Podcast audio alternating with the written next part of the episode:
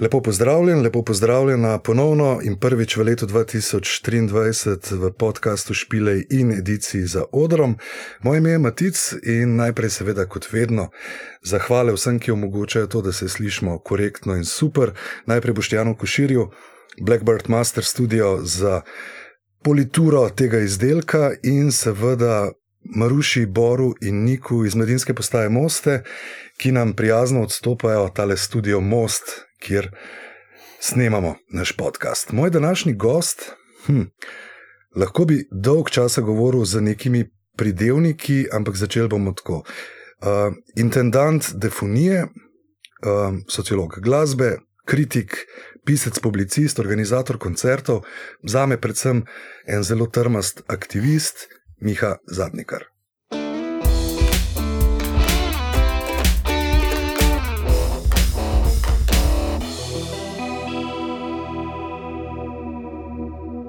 Živijo.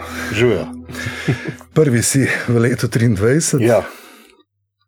In jaz sem si zadal eno tako težko nalogo, da bova malo skozi zgodovinski okvir in skozi sodobno dogajanje, rečemo, neki alternativni kulturi, zelo pametna in v tele uri nekaj uh, napabrkovala. Upam, da bom lahko pomagal. Ja. Um, izhodišče in edino izhodišče, ki sem se ga danes nekako v glavi uh, vrtel, je to, da pač prehajamo v leto, ko bo Metelkova mesto praznovala 30. obletnico. Ja, ja. Kar je kar. Um, ja, to pa je že lepa doba. Ja. A je to že doba, ki zahteva že en zgodovinski pogled, pa skoraj en muzej? Uh, ne toliko muzej, to uh, sploh z metelkovske strani bi rekel, da to je potem mal drug pogled, ampak se pa ukvarjajo zgodovinopisci, zgodovinopiske s tem. Uh, mestni muzej, uh -huh. recimo, se je začel intenzivno ukvarjati z metelkovo že pred dvema letoma, tremi. Zgodovinski časopis jo je vključil v slovenske kraje spomina, tako da je to že ta doba. Ja. doba bomo rekli četrt pol pretekle zgodovine. No. Mislim, zato sem začel z Metelkovo, ker ja. konec koncev si eden izmed tistih, ki je leta 1993 bil v prvi ekipi zasedanja placa. Uh -huh. uh, in ne sem to ostal si vseh 30 let še vedno akter. Nisi se prodal, nisi ja. šel nekam, ja. ampak še vedno deluješ tam. In jaz mislim, da si eden izmed najbolj, najboljših sogovornikov, da lahko narediš uh -huh. ta prelet. Veš, mislim, da za 20. obletnico si imel um, ekskurzijo po Metelkovi z 20 prizori. Ja, takrat Drži. smo imeli vodstva, vodstva. po Metelkovi, to je bilo skupaj z mestom žensk. To je Ja, bila tista ja. organizacija, eh, v bistvu je bila to predstava, uprizorili smo te točke. Mhm. To je bilo takrat, ja. eh, In 20. obletnica, uh, kje je že to, kaj se je vse zgodilo ta čas. Bi pa mogoče poudaril, da seveda poleg tega, da sem član kluba Gromka še vedno in da delam uh, koncerte tam, da nimam neke funkcije, ne, to, Mhm. kar ljudje zmotno potem mislijo. Mislim, da ne uviram nikogar pri tem, da bi. eh, Sem pa rad tam zraven, ja, Ja, še vedno. ker se ne vidim nekako v veliko drugih prostorih, sploh zdaj, ker se mi zdi, da je precej kritično. Kar se tiče družbenega življenja, mislim, da v Ljubljani še ni bilo tako slabo. Mislim, da je bilo celo v strinjam. 70-ih boljš. Jaz se spomnim iz 80-ih, pa bi rekel, da je bilo boljš. Ja, Uh, mi smo ravno deset let razlike, ja. pa smo malo zamikom. Se mi Mhm. zdi, se strinjava pa v to, da je kriza. glede- Je precejšnja kriza. Ja. Kaj je razlog za Eh, to? Kriza že tako v tem širšem pogledu, če pogledaš eh, na splošno lokale, ne, ki so se zdaj začeli zapirati že ob sedmih zvečer, pa zdaj ne govorim toliko o alter sceni ali pa o mladinski kulturi.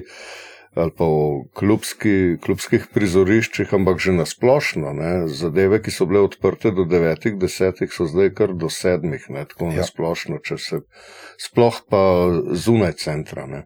Tako da to postaja kar alarmantno, to pomeni veliko. Ne. To pomeni, dost podobno je bilo recimo tisto rezanje bifejev pri Merkatorju, ne. kaj vse to pomeni Mhm. za neko sosesko, ne, da, da, da tako odrežeš družbeno življenje. Ne. Ja. Ampak po drugi strani pa mesto Ljubljana odpira čudovite, velike prostore, ki ne bi bili namenjeni kulturi. Ja, in s tem ustvarja seveda hudo razredno razliko, ne, ki pa je skozi kulturo najbolj vidna. Ne. Kultura je zlata jama, je čudovito polje za preučevanje razredov, razrednih struktur, eh, premikov za politiko, na vse zadnje. Eh, mislim, da se lahko, če smo malo pozorni in čuječni, veliko naučimo skozi kulturo. Sploh Eh, če si na terenu, bomo rekli, na polni ulici in vidiš vsa ta gibanja, kako fluktuirajo skozi 10, 20, 30, če te malo zanima zgodovina, bomo rekli skozi 50, 60 let. Eh, in nihan, ta nihanja v Ljubljani so kar neusmiljena in zelo značilna. Ne. Miha, kako gledaš na to, recimo, se pravi v 90-ih, ko ste pravzaprav začenjali dejansko zaskvotati plec, ja. brez vsega, brez elektrike, boj z oblastmi močen. Ja. 30 let kasneje Metelkova, neke vrste turističen zabavični park za tujce, ki se oglašuje, Ljubljana se z njim rada pohvali. Mm -hmm. Mene vsakeč znova šokira, ko se avtobusi ustavljajo in pol turisti naredijo hitro špuro iz Masarikove, ja, ja, foto ja. opportunity ja. do, do celice in grejo nazaj. Ampak praviš, da je pa teže, kot je bilo, oziroma je slabš. Ja, vse te turisti se samo sprehodijo skozi in v glavnem gledajo lupino, mogoče kdo pride na kak koncert, na gledališko predstavo, ampak ne pustijo, bomo rekli, poleg denarja za pivo, pa še to, če, kdaj, če ga vzamejo, eh, kaj veliko. Ni to, ni to nekaj, kar bi odtisnilo nek pečat. Ne. Metelkova je veliko močnejša v tej povezanosti z lokalno skupnostjo, uh mhm. -huh. s temi, ki jo držijo po konci, ne s temi obiskovalkami in obiskovalci. Ja, um, rekel si, da si pač član, mislim, Gromka je. Ja. V bistvu tvoj, tvoja baza, oziroma za definijo, definitivno. Ja, ja, ustrajam tudi zato, ker je to uh, to vrstna muzika, se pravi, ki me zanima, improvizacija, novi jazz, eh, noise, art rock in sorodne reči, potrebujejo tak prostor, potrebujejo, kot se reče, tako funky place, ne, špelunka, betula, uh mhm. -huh. kot bi rekli, ja, se ja. pravi, klub, ki ni poštirkan. Ja. Ker so to ljudje, ki so nekateri navajeni igrati povsod, tako da igrajo v umetniških galerijah, tudi v muzejskih postavitvah, so kje koncerti, in po dost pošterkanih jazz klubih, tako da jim je prostor, kot je klub Gromka, pravo olajšanje ne? in ta bližina stika s publiko, to veliko pomeni. Mm. In to, da je eh, to zdaj ni propaganda za alkohol, ampak bližina šanka in tega. To, Tudi taki prostori ja. morajo biti za to vrstne muzike. Okay, Defonija več kot 20 let, eh, nekaj 23, ja, trmastega. Trmaraš tukaj kot intendant. Kako? In trmaraš, ne trmasi. Ne? Ja, ja. vse so vzponi in paci, hude težave, ampak ustrajam s tem. Ja. Začela se je v obdobju, ko to vrstne ponudbe ni bilo prav veliko. Ne. Naprimer, nismo imeli e, ponudbe zavoda sploh, vaših sosedov tukaj uh -huh. v mhm. Mostah. E, ni bilo cankarevih torkov, tako da to vrstne muzike so bile v glavnem v Mariboru, jih je mhm. delal David Brown, v Zagrebu, pa jaz to omenjam zato, ker je bilo ravno s to trojko zelo uh, ugodno delati takrat turnaje. Ne? Če si poleg Ljubljane vključil še Zagreb in Maribor. Dva placa si imel. Dobro, zdaj se lahko obesimo na marsikoga, ne? ker je veliko tega po Sloveniji. Ja, Imamo crkno vrhniko, ja. bistrico obsotli. Eh, na vse zadnje, MKNŽ bil odprt za dost podobne reči, pa se v bistvu priključimo turnejam po severu Italije ali pa po Avstriji, tako mm. da se da, se da delovati. Problemi so druge, vprašanje, koliko lahko to vrstni muzičisti in to zapažam skozi teh 23 let, si sploh zorganizirajo turneje. V nekaterih segmentih so kar težave. Ne. Tisto, če mu rečemo, jazz, zamorska banda, tega ni več tega v Evropi. Mm. Ali pa so starejši, predragi in si ljudje ne morejo privoščiti več tega. Ja. Na, na spletki definije, oziroma znotraj groba, ja. je zelo lepo opisano, v bistvu vaš, vaša neka špura je. Uh, free jazz, avant jazz, vendar odprti do marsikaterih nenavadnih godb, ja, ja. ki jih ljudje radi poslušajo, še vedno zaradi glasbe same, ki jo ne jemljajo tako nekako, zelo malo parafraziram, ampak da ni samo, da ne jemljajo glasbe kot v zadje, se pravi, neki ljubitelji. zelo, ampak zelo tolerantni do različnih glasbenih izrazov. Kako ti znese v bistvu te razne zelo unikatne majstre in mojstrce v bistvu pripeljati k nam? Tako mhm. že toliko let. Praviš, ja. so problemi. So problemi, ja, so problemi, ker je vedno malo premalo denarja. E, to je tako, zveni kot fraza. E, problemi so tudi, e, mislim, prijetni problemi so, kako se staviti program. Če imaš dvojni ali pa trojni koncert, jaz uživam, da je tisto predstavljeno, če mora se reči, da je malo eklektično ali pa bi nekateri učitali. Ne, kako lahko daš najprej en noise, potem pa free jazz band, ne solo noise. Pa to, jaz pa uživam ravno v tem, da ljudje dobijo izjemno brvit v pogled in mislim, da je še kar pogreb, če bi delal recimo svobodnjaški jazz, domačo zasedbo, pa potem tujo. Ne. To nikoli se ne izide dobro. Ne. Eh, se to tudi festivali vejo, kako delati ta zaporedja. Morajo biti neke raznoličnosti, mora biti domača zasedba, mora biti en jazz, potem ki gre bolj ujetno, potem pa en, ki uporablja mogoče tudi elektroniko in je elektroakustičen. Tako da te raznolikosti se mi zdi, da kar morajo biti in defonija je to. Postavlja in zadnje, zadnje mesece, leta opažamo, kar spet porast obiska in vedno se to pojavljajo neki novi obrazi. Ja, kdo so zdaj ti obrazi? Ne vem. Za nekaj časa poznam, nek hardcore poznam, ampak ne vem, kdo so te novi ljudje. Jaz mhm. jih prvič vidim, potem pridejo še kdaj, nekateri ne pridejo nikoli in to je zelo zanimivo. Um, ravno to je to, zdaj tudi neka vzgoja ljudi bila čez vsa ta leta, da so se pač nekako navadili in pač so odprti do tega, da pač kar jim ti pod tem zdaj sodobno rečem, brendom ponujaš, uh, da ti zaupajo, da rečejo, ok, Miha bo pa to bo že v redu, če je telefon, telefonija, koncert. Morda bo. to treba je pa poudariti, da imamo vendarle scena improvizacije zadnjih 15-10 let je pri nas v sponu in mislim, da smo v evropskem vrhu, ker ko se je začela defonija, smo lahko na komaj da na prste ene roke prešteli ljudi, ki so se ukvarjali s tem, ki so tudi izvajali, zdaj pa imamo, seveda. Ja. Uh, imamo kaj za ponuditi in to so ljudje, ki lahko tudi ven hodijo na turneje, tako da ne samo Ljubljana, že prej omenjeni kraji so seveda v, v vrhu to vrstne ponudbe. Tako da imamo in očitno, da publiko tudi to zanima. Ne? To bo verjetno, da je pa, je pa zanimivo, kako je določen segment publike, ki uh, hodi samo na druge koncerte, oziroma da ima intendant ali pa človek, ki organizira neke svoje ljudi. Nekateri se mešajo, seveda ne gledajo na to tako, je pa zapaziti določene ljudi, ki se pa držijo svojega organizatorja in hodijo samo tja in pol tem. Zvesti. To je, ja, to je ta zvestoba nekega abonmajskega tipa, bom rekel. Uh mhm. -huh. Bodo verjetno držali, malo mal sem se pripravljal na to, kako je Miho bom povabil, pa sem pravzaprav, ker to ni moja scena, ja. odkril uh, spletno centralala. Ja. Uh, in seveda enormno enih slovenskih imen, avtorjev. Prej si omenil, res smo tukaj v soseščini, Tomaža pa špele, ja, uh, čist ja. par metrov stran sta pravzaprav. Uh, ampak ogromno imen avtorjev, skratka, pravzaprav pogled v eno zelo, zelo živo sceno. Ja ki pa seveda mogoče v neke pač seveda mainstream medije ali pa karkoli seveda ne prodre, ampak uh, očitno to ne škodi sami sceni, nekako živi svoj life. Tako, ima ja. svoje metode obveščanja, uh, veliko je tukaj tudi ustnega, ne? to je ta to vrstna scena, seveda, ki mora zagotavljati bližino z občinstvom, brez občinstva te muzike ni.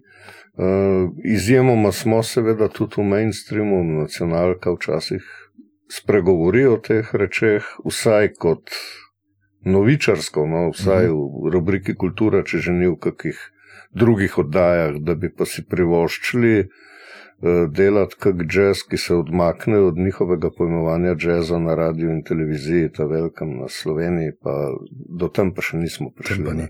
A je to škoda, v bistvu, da to vzamemo? Šta vem, eh, je pa ni, ne? ker eh, vedno si jaz rečem to vrstne zadeve, če koga zanima in če je nov, če je nova na tem polju, priporočam udeležbo v živo, ne pa po radiju ali pa po televiziji. Hmm treba je videti skratka muziko muzičiste, ki delajo, da se vidi, kako delajo na odru, in je potem veliko lažje ja. slediti in pridobiti neko občinstvo. Veš, to sem rekel, če ravno ta plec v nekih ta glavnih medijih, da ga ni to vprašanje, če je to narobe, ker bi te rad peljal proti odnosu med eno precej obstransko nišno kulturo. Ja.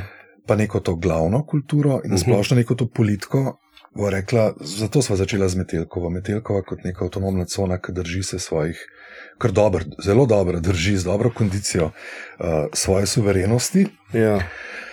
Potem pa so deležniki, ki mogoče odločajo okoli denarja. Uh mhm. -huh. ne, in kje je ta odnos? Mislim, da neka, neka taka, uh, kako bi temu rekel. Ne vem, ne bi bilo dobro, če bi obstranska kultura ratala mainstream. No, tako nekako sem jih hotel reči. Da mora obstajati ta konstanten konflikt med temi deležniki, da to ni nič slabega. Ja, napetost, neka napetost, ja. antiteza, ne, ja. tako čisto v gramšivem smislu. Ne, mm -hmm. Kot je on že ugotavljal, zakaj ne, ta pogled recimo, na e, leve vlade, ne, recimo na takrat v starih časih, na komunizem, prevzame oblast in takoj prenehajo s to antitezo. Ja. Takoj, po zmagi se nekaj zgodi, in, in prav to Gramševo ustrajanje v antitezi marsikaj spremeni. Ne? Da ti nisi del mainstreama, uh, si nekje na robu, ampak vse ne veš, morda pa je to center, vse se tukaj dogajajo zelo zanimive stvari, samo niso uh, opisane strani uh, drugih ponudnikov oziroma uporabnikov. Uh, prvič medijev, drugič neke refleksije, ampak ima ta uh, scena dovolj svojih moči, da lahko to ja. reflektira in izdaja tudi svoje zbornike, prispeva članke. Uh, je pa včasih tudi tu problem. Tudi uh, na radiju študent utegne biti problem, da včasih ni dovolj ljudi, ki bi bili dovzetni za to vrstne scene. So določene muzike, če, če uh -huh. smo pri muziki uh, dobro pospremljene, določene pa ne. ne? In te krize prihajajo in odhajajo, in so seveda vedno odvisne od posameznih oseb, ki pridajo do medija, da se zauzamejo za kaj takega. Lej. In da znajo to tudi skozi neki jezik prezentirati. Ne. Veš, v tvoji napovedi nisem hotel. Ja. Če bolj v detajle tega, da pač seveda si še vedno sodelavci idealne godbe na Radio Student, ja. da delaš tudi z jazzom crkno, da so še neke so, so, so razne, so razne stvari. Ja, razne to... stvari. Ampak si ravno menil študenta, pa si že dolg časa pravzaprav nekje tudi zraven, ne, ja. uh, ne pa zdaj v uredništvu, ampak pač sodelavc. Uh, kako bi mogoče sam stavek dva o tem, rekel, da je včasih problem tudi tam, uh, pa čeprav bi to moral biti mogoče centralni. Mediji alternativne, pa rečeva glasbe, da je včasih težko prodreti z nečem. Je, za določene subkulturne zadeve je dobro, tukaj pa se utegne postaviti kriza, ali se ljudje bojijo Čeprav se mi zdi, da če je človek sodelavec, sodelavka glasbene redakcije, mora biti nekako usposobljen, bi moral radio biti sposoben poskrbeti, da lahko taka oseba recenzira punk, metal, mhm. improvizirano godbo, oziroma se mora vsaj potruditi, da kaj takega napiše, tudi če gre potem za kakšne spodletelosti, ampak vendarle je radio študent to počel včasih in uh, zdaj pa v bistvu sloni na interesu posameznika, kot sem rekel, ali se poglobi v to vrstne zadeve, kaj ga zanima, ni več tistega pristopa. Celostnega, da bi nekdo širšega. Ja, da, ne vem, kje je tu napaka, pa če je sploh napaka, ampak se vidi po odzivnosti, ne, da še pred leti ni bila nobena težava pripeljati na intervju, potem so bile ustrezne napovedi, odziv, se pravi recenzija. Eh, danes se vidi, da je to vrstna muzika, ima sicer uh, svojo prezentacijo, ampak se pojavijo neki lomi včasih, so Aha. neke težave, ki pa mislim, da so strukturne narave. Sploh ni, tukaj ni nič osebnega, tukaj je nekaj, mhm. nekaj v strukturi potem narobe. A veš, kaj je zanimivo, ki si prej rekel, ne, da še vedno v vaši sceni obstaja neke vrste sistem obveščanja, mogoče tudi od ust do ust.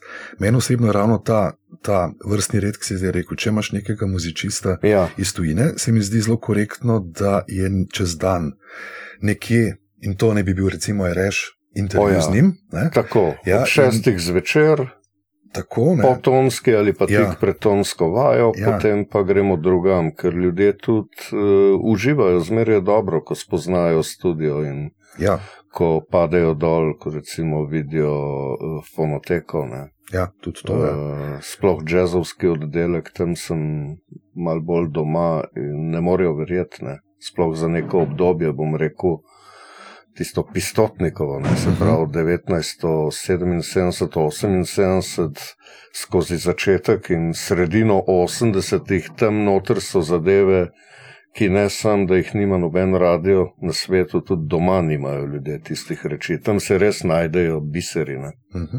Ampak stališča enega poslušalca se mi Ja. zdi to korektno, tudi da jaz lahko, če sem čisti outsider, ne, če Mhm. imam nek medij, ki lahko slišim, aha, ok, tole si prepelal, slišim intervju, slišim nekaj komadov, Tako. mi je to povabilo za zvečer in kot si rekel, pol neka, neka, kaj se vem, neka vljudnost bi skoraj zahtevala Ja, pol neko recenzijo ja, ja, tega, ja, ne, nek ja. recenzentski vidik in tako celo sceno držati gor, se pravi, to je živo, ne, ljudje prihajajo. Mhm, Če je tega manj, Uh, potem zadeve ostanejo zelo zaprte v svoji niši, mislim, Ja, v svojem krogu, ja. a ne, ker pač se Tako. ne širi.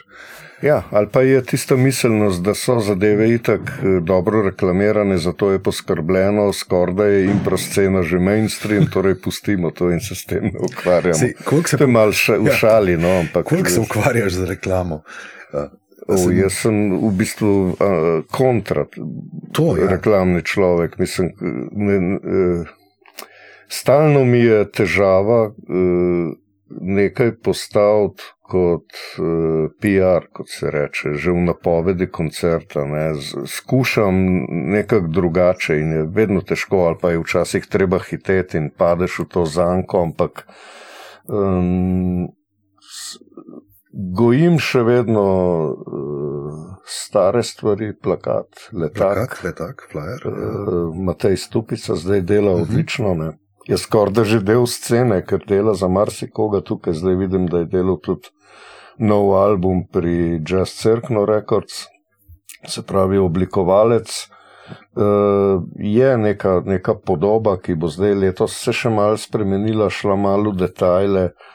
Uh, pa z elektronskimi mediji, kot mi dopušča moje mal starčevske, moji starčevski mal pogledi na to zadevo, ampak A si do tega skeptičen, drugače uporabljati? Mislim, tako veš, reklama lahko deluje ne tako zelo. skeptičen, kot ambivalenca, neka ambivalenca velja. Ne. Se mi zdi, da ljudje, ki jih to zanima, da že itak zvedo za to. Ja. Ta pogled imam. Ja. Ja. Ampak vsem pač moraš oglašati. Ja, ja, ne, moraš, veš, pa je določena, kot se reče danes v modernem jeziku, je izziv vedno znova narediti napoved. Ne. Kaj bom pa zdaj napisal? Ne. Mal drugače. Mal drugače. Ja. Ja. Uh, tisto uh, zelo mi je težko naštevati, kdo je kdaj s kom igral. Ne. Se pravi, to, čemu se reče hagiografija. Mm Mhm. Ta pa je s tem igral, zato pa je pomemben. Ne. Morda pa prihaja na oder ogromko z drugimi razlogi. Ne. Ne zato, ker je špilov z nekom. Ne. Tako. Veš, to je zato, ja, ker doskrat imamo goste, kakšne zelo mlade, ki ja. Seveda zelo, pač velike te analize, eh, številk, kako se ti dogaja nekaj. Aha. Pač mladi se, glasbeniki se zelo veliko ukvarjajo s tem, ne, z nekim načrtovanjem nekih Aha. kampanj svojih. Ampak to, je, to se meni deluje kot en čisen drug svet. No, ampak svet- tukaj lahko ti več poveš, kako pa mladi danes, kakšno reklamo pa oni pričakujejo, kako pa dobiti človeka, ki je star 20 let danes. Ja, pa manj. um, mislim, da je zdaj, uh, zdaj si me pa dobro izval. Uh, fino. Um, Doskrat slišim to, seveda, da, je po, da to, kar se dogaja na virtualnih nekih medijih, je seveda samo glasba, samo en del tega. Ja. Da so pač ti konzumenti, če zdaj tako grdo rečemo, seveda jih zanima pač ta osebnost celotna. Se pravi, da si neke vrste oseba, ki prinaša sabo en cel. Ne vem, življenjski stil, kar pomeni, da ni vse na prvo žogo, ne? ni samo vabljenje na nek Aha. koncert kot tak, ne? ker to bi polkar enkrat ratal izjemno dolgočasen, Uh -huh, uh -huh. ampak zaradi načina ali pa ne vem, cele logike teh družabnih omrežij, če želiš na tej sceni prosperirati, pravzaprav prodajaš cel svoj življenjski stil, kar pomeni, da si osebnost, da si sam po sebi medij. To to je tisto. tako rekoč del identitetnih politik? Tako, pol? ja, A da je ja, tako to? Ja, tako, ja, ja, ja. ja. Tukaj Um, nisem prav zelo doma, to mi je mal tuje, ampak. Uh, ja. Mislim, Razumem, ja, da, gre, da gre v te smeri. Veš, kako jaz sam osebno to zelo težko razumem, zato ja. ker se mi zdi, pol rata res zadeva malce cenjena. Ne? Se pravi, uh -huh. da bi moral ali ti, če rečemo, ali pa nekdo drug sebe pravzaprav prodajati kot neke vrste hudeča reklama. Tako, ja. uh, in da potem ta, ta glasbeni uh -huh, produkt, uh -huh. se pravi, živ nastop, je pa kar naenkrat malo drinjen na stran. Ne? Ker, tako kot si rekel, meni se zdi, živ nastop je relevanten.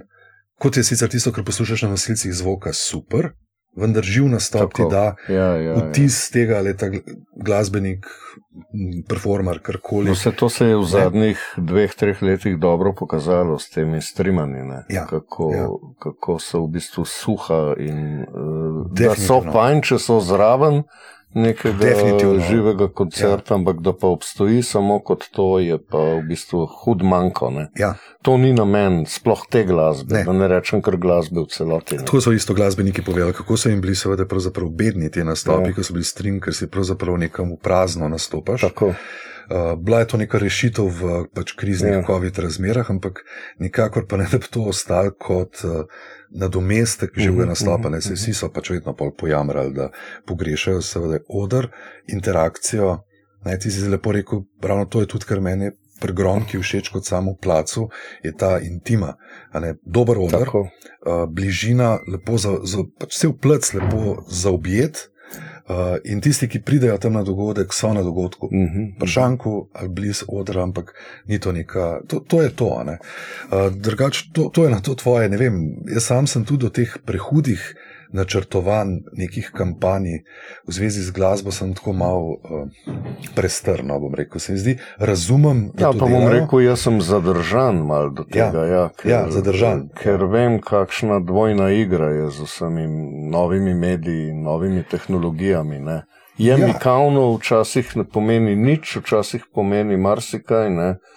Eh, da imaš ti na nekem, kot se reče, eventu, vnaprej pofočkanih ali pa zainteresiranih 250 ljudi, pa da se zagotovo, da jih pride 100 in nekaj.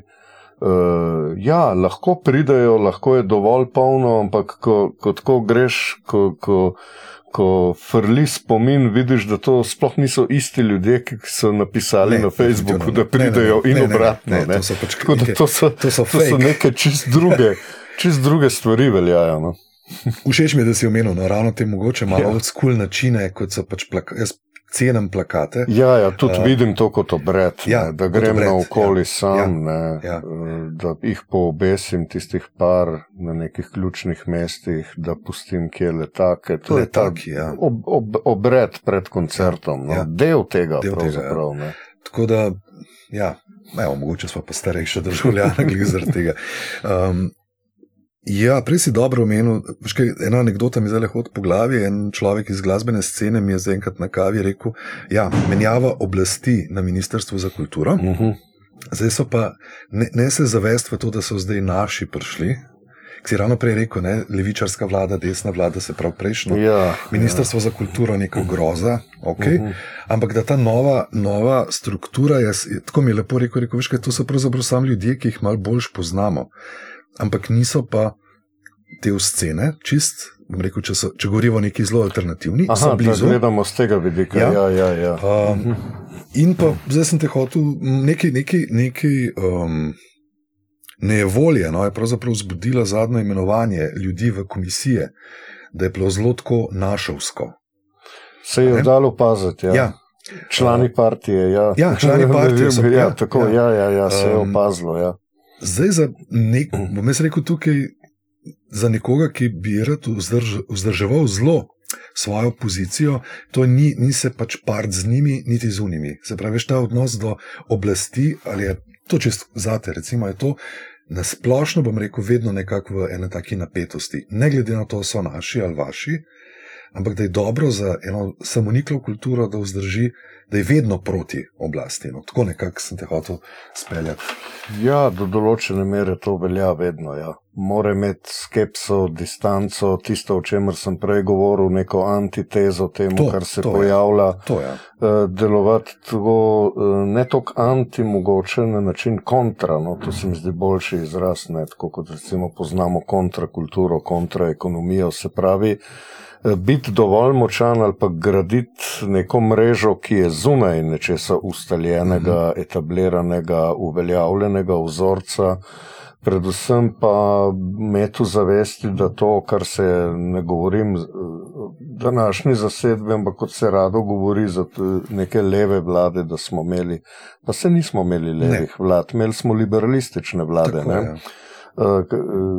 Bolj ali manj sredinske, ne? in tukaj se mi zdi največja nevarnost. Ne? Meni je ta sredina hudo nevarna, temu se ne, ne samo sredina kot mainstream, ampak eh, ta izrazita politična sredina, ta blerovska tretja pot. Ne. Vse ne gre za tretjo pot, ne. to pa uh, Tomaš Mastnak nekaj lepo razvija. Gre za, za alternativo, gre, ne? ne za tretjo pot, za, za drugo, za postavitev. In tukaj smo v bistvu kar v dvojni izgubi, kajti ne samo, da imamo dezintegrirano alternativno kulturo, ampak tudi socializem kot alternativa se nam je razsud, tako da smo v bistvu nasrkali zaradi manjka dveh alternativ. Maš še svoje mnenje, zakaj je do tega prišlo? Ja, čistko. Se, se je to kazalo že tam od sredine proti koncu 80-ih s privatizacijo, z drugačnim pogledom, z liberalizacijo določenih zadev pluralizacija, ki ima seveda vedno dvojne učinke in kjer ponavadi zmaga konzervativnejši, kot vidimo, bolj nacionalističen pogled. Uh, ko, če se vrnemo k sami zasedbi Metelkove leta 1993, takrat so še bili neki ostanki uh, mentalitete, ki je bila usidrana v uh, prejšnjih vzorcih, se pravi Jugoslavije, tako da si danes ne morem predstavljati. Ne. Tako da vsa čast placu, recimo, da je lahko to izvedel. Ne. To vrstne ja. zadeve izvajati danes je bistveno drugače, kot jih je bilo takrat. Ne. Plac je pravzaprav zdaj vletel res kot ena dosti nova zgodba, drugačna. Tudi sami se pravijo, šli bomo po drugi poti, kot so šli ja. drugi avtonomni centri. Ja, ja. In se že vidi, uh, bom rekel, odziv oblasti. Ne, se pravi, eh, negacija tega. Negacija, ne nadoma jih ta prostor zanima. Kar nekaj je pomemben, hoteli so ga nekaj bodo iz njega naredili, če -huh. se ne hoče imeti cache. Ampak zdaj se pravi, ti si prej rekel, ko si kot organizator koncertov, pravzaprav se matraš s, še vedno z neko ekonomsko strukturo, ja. da pripelješ vse te muzičiste. Sama scena, verjetno čist sama od vstopnic ne more živeti. Verjetno, ne? ne, pomagajo za te sprotne zadeve, ne, uh, ni pa to. Ne, ne, ne. ne to, da se, da se, kot se reče, pokrijejo te uh mhm. -huh. zadeve, uh, zelo težko. Se zelo redko pokrit, se zgodi. Ne, ne. ne, to je delovanje tako zunaj trga, to je ja. prisotnost ja. tako zunaj tržnih mehanizmov, da potrebuje neko podporo, če hoče preživeti. Ne? In ta podpora ne zahteva nekih velikih sredstev. Ne? Tako. Ob vsem zdaj... tem uh, do-it-yourself principu, ki je tudi tukaj delno. Uh, potrebuje določene zadeve. Ja. Se pravi, tukaj se je zdaj omenila dva sogovornika. Eden je ta direktno sosed Metelkove, se pravi Ministrstvo za kulturo. Ja.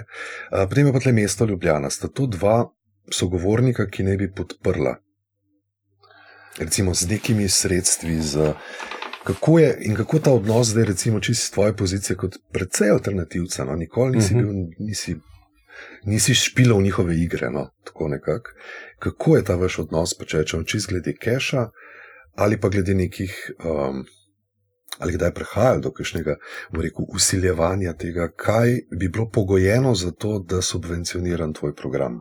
Ne vem, mislim, zapaziti je uh, določene, bom rekel, kar komične stvari, ne? ker velikrat jaz imam kar dost domačih ustvarjalk in ustvarjalcev in da mi komisija na pamet nekje zbije točke z besedami, da nimam dovolj domače scene, mislim, to je, to je res smešno. Ne?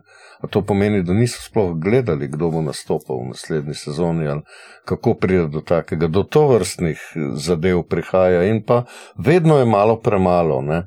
Da bi pa vsebinsko ne ustrezal, bi sem jaz že leta in leta dobim vrhunske ocene, pa vendarle zaradi določenih zadev vedno malo premalo denarja. Ne? Vedno je malo premalo, čeprav to ne zahteva. Mislim, to niso milijonske vsote, to ni nekaj blaznega denarja. Ne.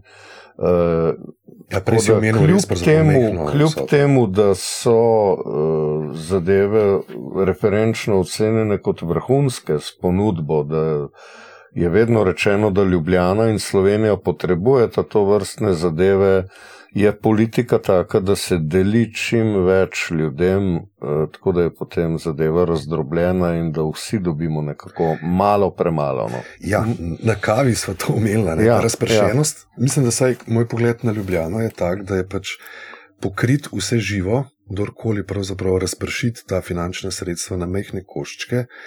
V smislu neke uravnoteženosti ali ne vem kaj. Ampak... Ali bi rekel, kar, da je to ideološka poteza? Da je, Jaz bi rekel, da je, da je nadzor, nadzor veliko ja. lažji, če ja. je tako in nihče ti ne more očitati, da mu nisi ničesar dal. Tako, tako da ja. to je ja. PC. Predvsej nevarna politika. Ja. No.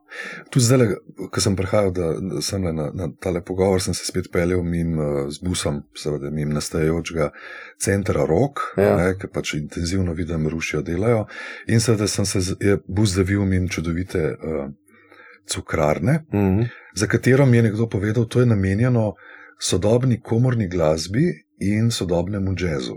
Mm -hmm. Cukrarna, pa izjemno dvomim, da bi lahko ti svojim programom uh, tam participiral. Veš, tle se mi zdi en paradoks, to je muzej sodobne umetnosti, pa je. Ja. In del tega ne bi bila tudi majhna dvorana. Ampak Slišal pa sem po kuluarjih, seveda, samo da ne bi nastopili tam ljudje, ki so kakorkoli bili podporniki roga, starega roga. Se pravi, Aha. to, kar je strah pred rogovci. Ja, ja, in ja. verjetno ja bom zdaj tako rekel, si verjetno tudi ti nekje označil. Ja, ne vem, rogovec. Če bi jaz lahko tam pre prezentiral to vrstne zadeve, ljudje, ki pa igrajo v, v grom, ki bi pa mirno lahko igrali tudi tam, se so navajeni igrati povsod, se tudi v cerkvah ja, igrajo. Tako. tako da sama, sama pojavnost na prizorišču bi šla skozi, ampak s to vrstno politiko, verjetno se pa ne bi prav dobro ujeli. No. Seveda to pravim, da gre za neko izkušnjo. Z vidika intendanta oziroma ja. organizatorja. Ja.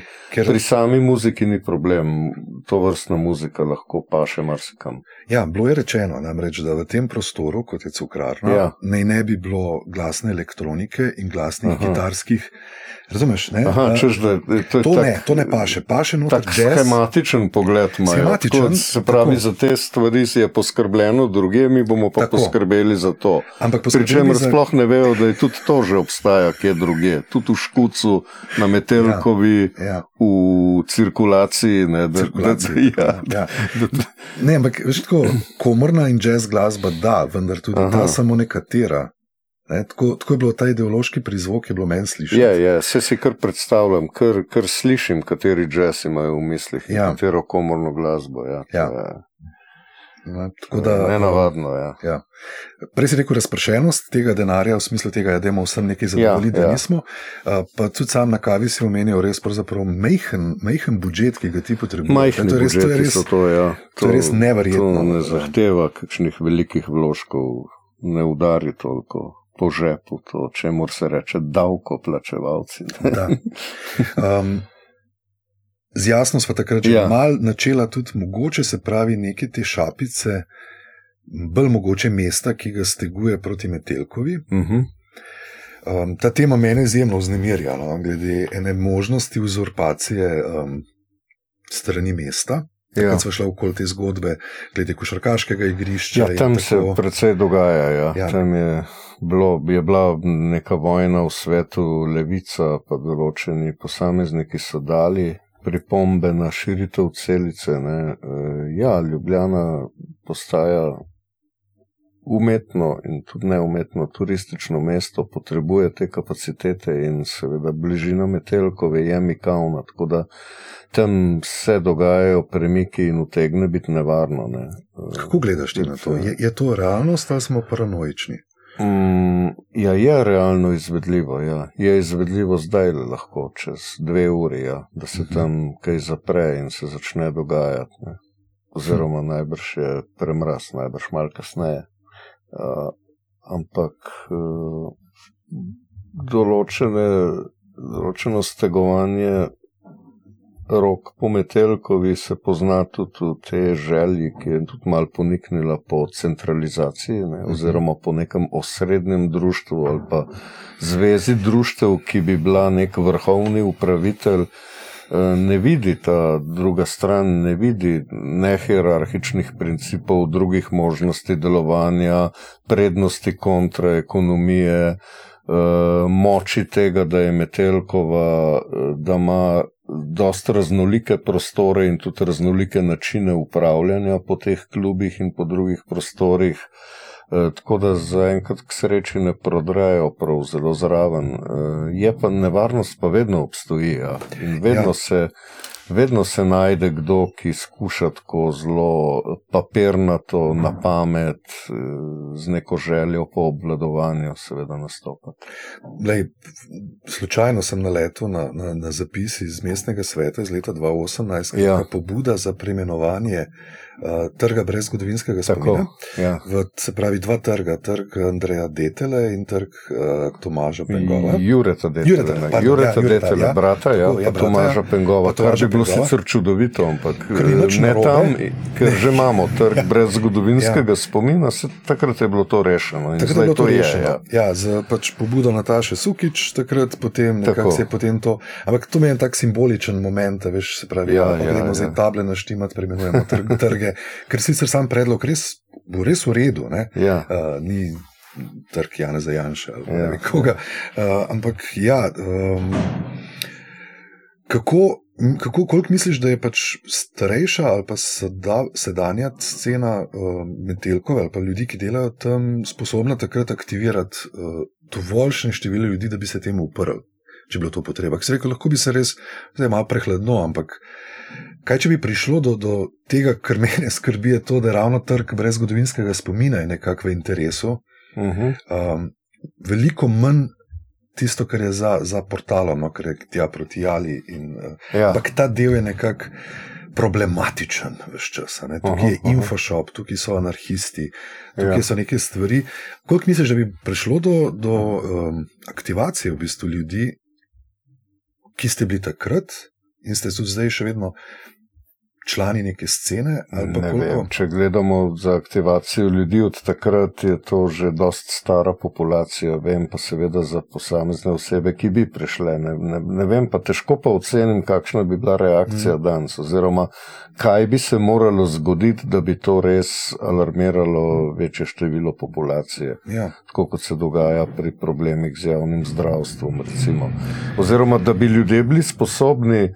Uh, krizo ali pa kakšne težave na takih prostorih za popast, razpoznati podobno, kot jih zdaj razpoznavajo pri problemu zdravstva. Ja.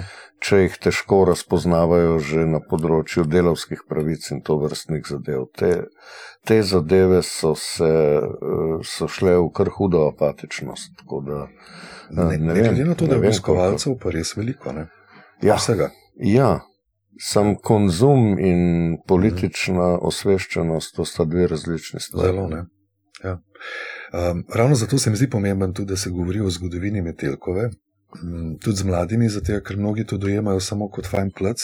Kot samoumevnost. Ne? In kot samoumevnost. Ja. Kot plc, ki greš, poznam par lokalov, grem, to so za me lokali, ja. kamor grem in se imam fajn brez, veš, si prej rekel, za tujce je to neke vrste. Jaz vidim to, kar zabaviščni park. Uh mhm. -huh. Vidim tudi za nekatere naše ljudi, da je to pač samo entertainment plac, ne vidijo pa toliko zgodovine placov, ki so imeli. Ki so dajali prostor, domicil mnogim aktivističnim ja, in ja. umetniškim skupinam, ne samo kot fan plac. Se, fan, uh, se, se, se prihaja do težave, ki ni samo ta težava pogleda publike, ne, bomo rekli, navadnega človeka, ki pride na Metelkovo zahajati. Ja.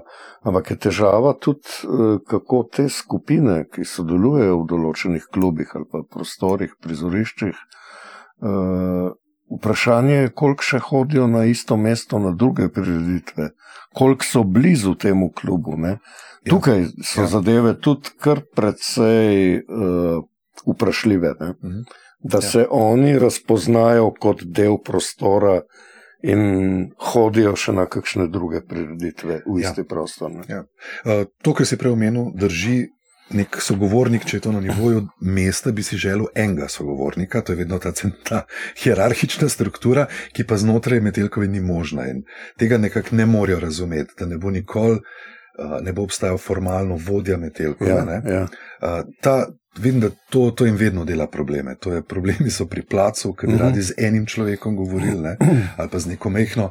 Ampak to je, mislim, da spet ta konfliktnost dveh popolnoma različnih konceptov vodenja, če rečemo, pa upravljanja nečesa. Ja, ali pa pogleda na svet. Pogleda na svet, konc koncev. Ja. Uh, drugo, kar pa jaz mislim, da sicer osebno mislim, da ne bi prišlo ravno do neke revolucionarne, revolucionarne v navednicah. Uh, akcije strani mesta, ampak da bi šlo tako po delčkih. Uh mhm. -huh. ne, tako vzeti to, pa je dva metra naprej. Pa, Veš, um, ja, ja, ne ne, ne zasest, bom rekel, za cel trg zgodovinskega spomina, uh mhm. -huh. ampak vzeti tam eno hišo, ker se ruši, ali pa neki so slabi pogoji.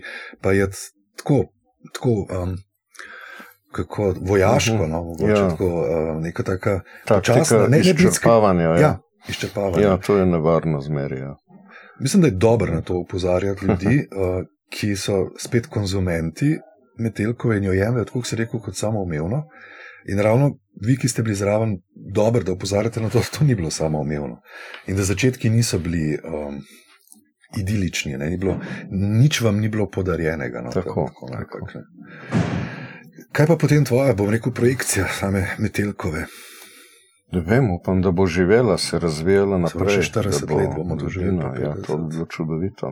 Mislim, ni dvoma, da bo, vprašanje pa kakšna, kako bodo ljudje to pelali naprej. Eh, ja. Kakšna ponudba bo živela, ker danes je že kar težko. V Bilici, čeprav so govorili o krizi družbenih prostorov, je pa vendarle ponudba tolikšna. Ne? Eh, in dogaja se v tako raznolikih ekonomskih pogojih, ne, ki zadevajo šank in prostore, da upam, da bojo ljudje, ki se bodo ukvarjali na metelkovi stvarmi, naprej našli neko svojo kulturno formacijo, našli nekaj novega, ker vedno se da, ne. je pa težko to početi. Ne. Ampak, če obstoji ambicija alternativne kulture, obstoji tudi zato, da ti iznajdevaš nove produkcijske načine, nove oblike formiranja nečesa, nove programske oblike. Ti sam pogrešaš. Možnosti niso izčrpane. Ti mogoče pogrešaš v Ljubljani, se pravi, več še enih drugih otočkov, rečemo temu alternativne kulture. Zdaj smo, v, zdaj smo v Mostah, pa smo tukaj oba dva tako vesela, ja, kako tukaj ja, občutek, da predvsem skvotov, skvotov. Kakšne tri do pet, da bi bili razpršeni po Ljubljani. Pogrešam mladinsko kulturo, ki bi bila popolnoma grassroots, ki ima dostop do prostorov in razvija svoje poglede na zadeve kulture. Marsikaj pogrešam v Ljubljani. Ja. Ko si ravno menil mladinsko uh, ja. kulturo, m, spet anegdotično, ne, ker uh, je nekako procurljali iz teh, um, kaj se vem, krogov oblastnikov.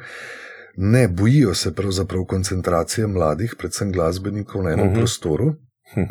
Fajn je, če je razpršeno, ker potem ja. niso na istem placu in ne snujejo kakšne uh, revolucije. Uh mhm. -huh. ne, tako da tukaj, veš, um, ne, ni fajn, da recimo preveč punk bendov vat na enem koncu, ker bodo potem ob pivu načrtovali še kakšne ja, ja akcije ja, ja. in je to.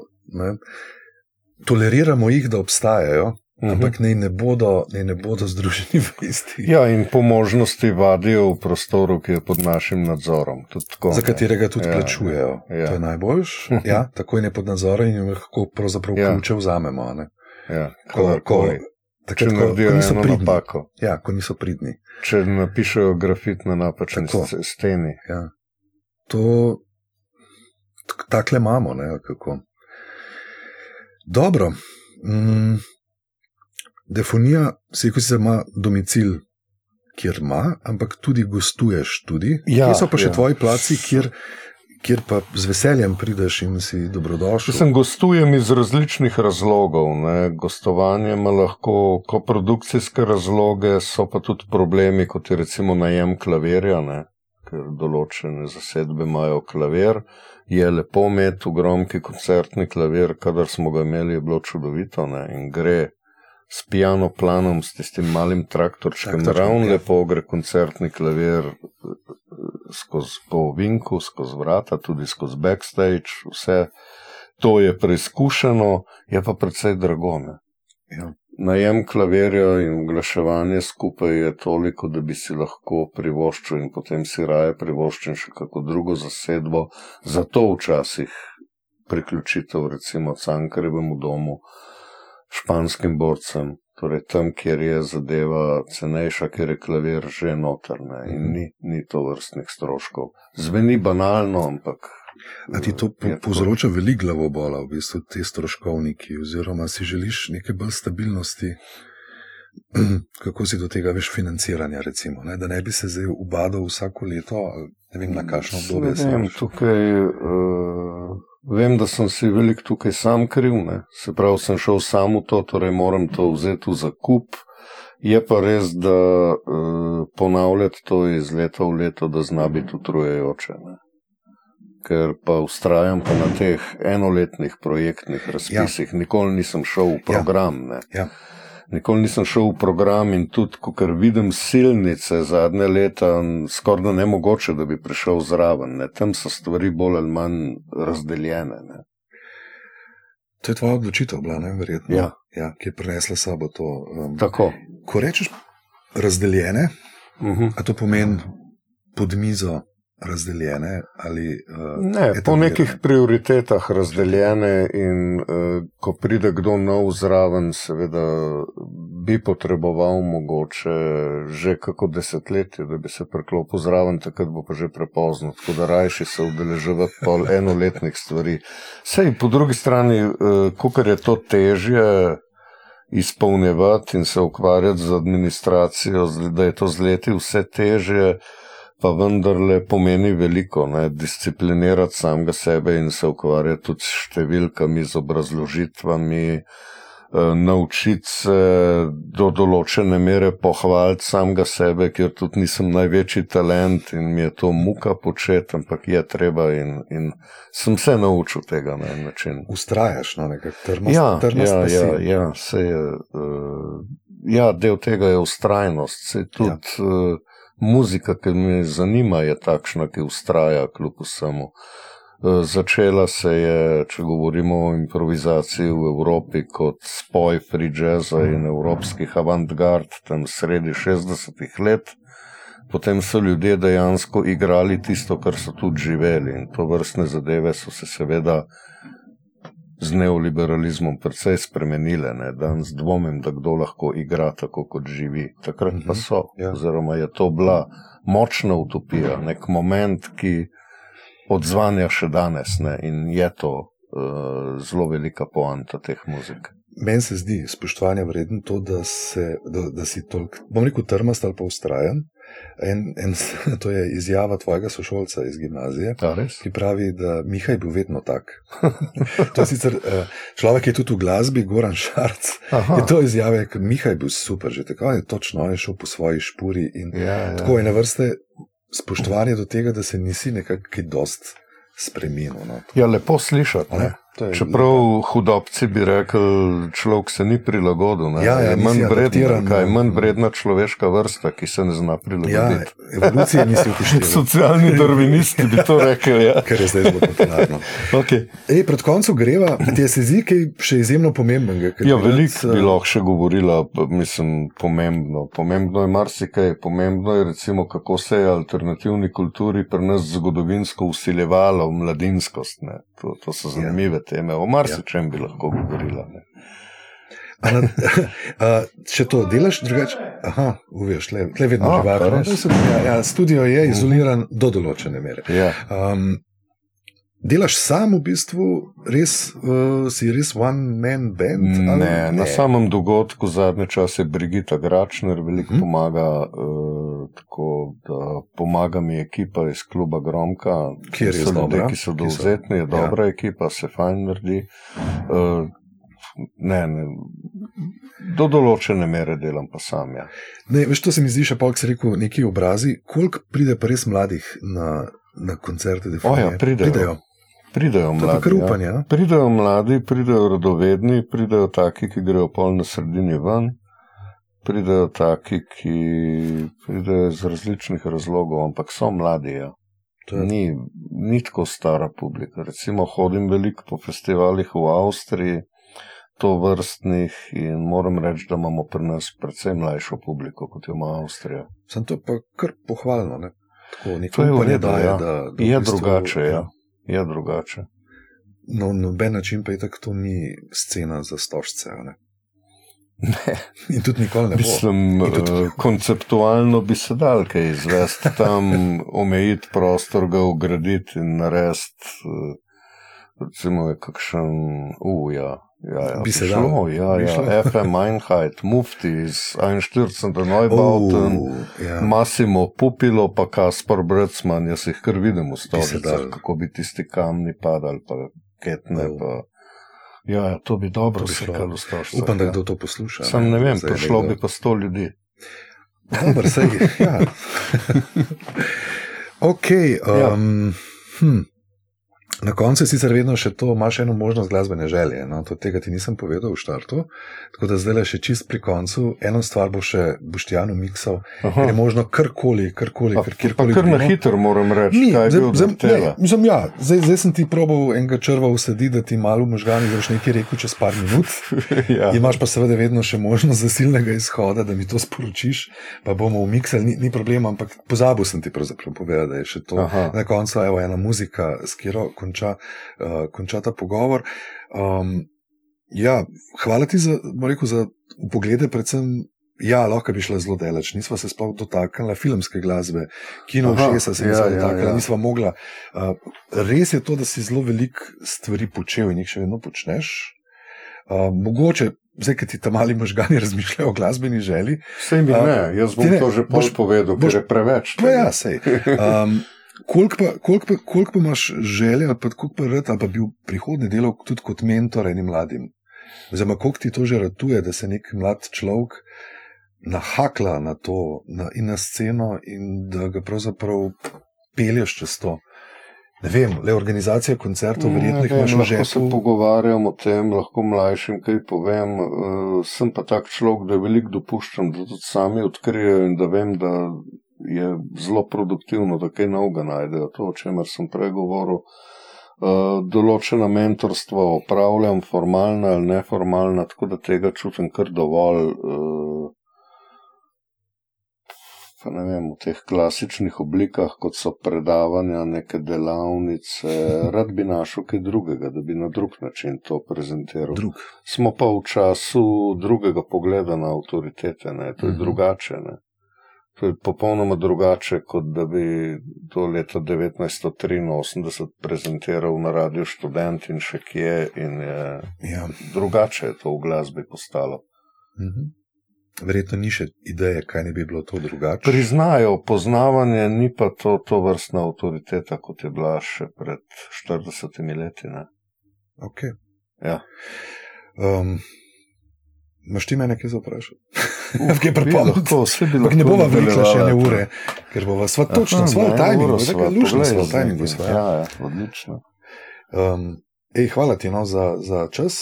Uh, upam, da ti je bilo v redu, meni je bilo zelo ok. Ja, ja, Odkrhnila sva, lahko bi šlo pa zelo daleč. Ne? Načela sva veliko silnic, poti omenila, uh, se pa da veliko tem govoriti. Ja. Okay, zdaj, kaj bo s to Moskvo? Bom pa povedal. Boš pa enkrat, ne boš sporočil. ja. um, hvala ti. Hvala za vabilo. Ja, pa um, se vidimo. Ne? Vse. Okay, ja, ajde, že. Čau.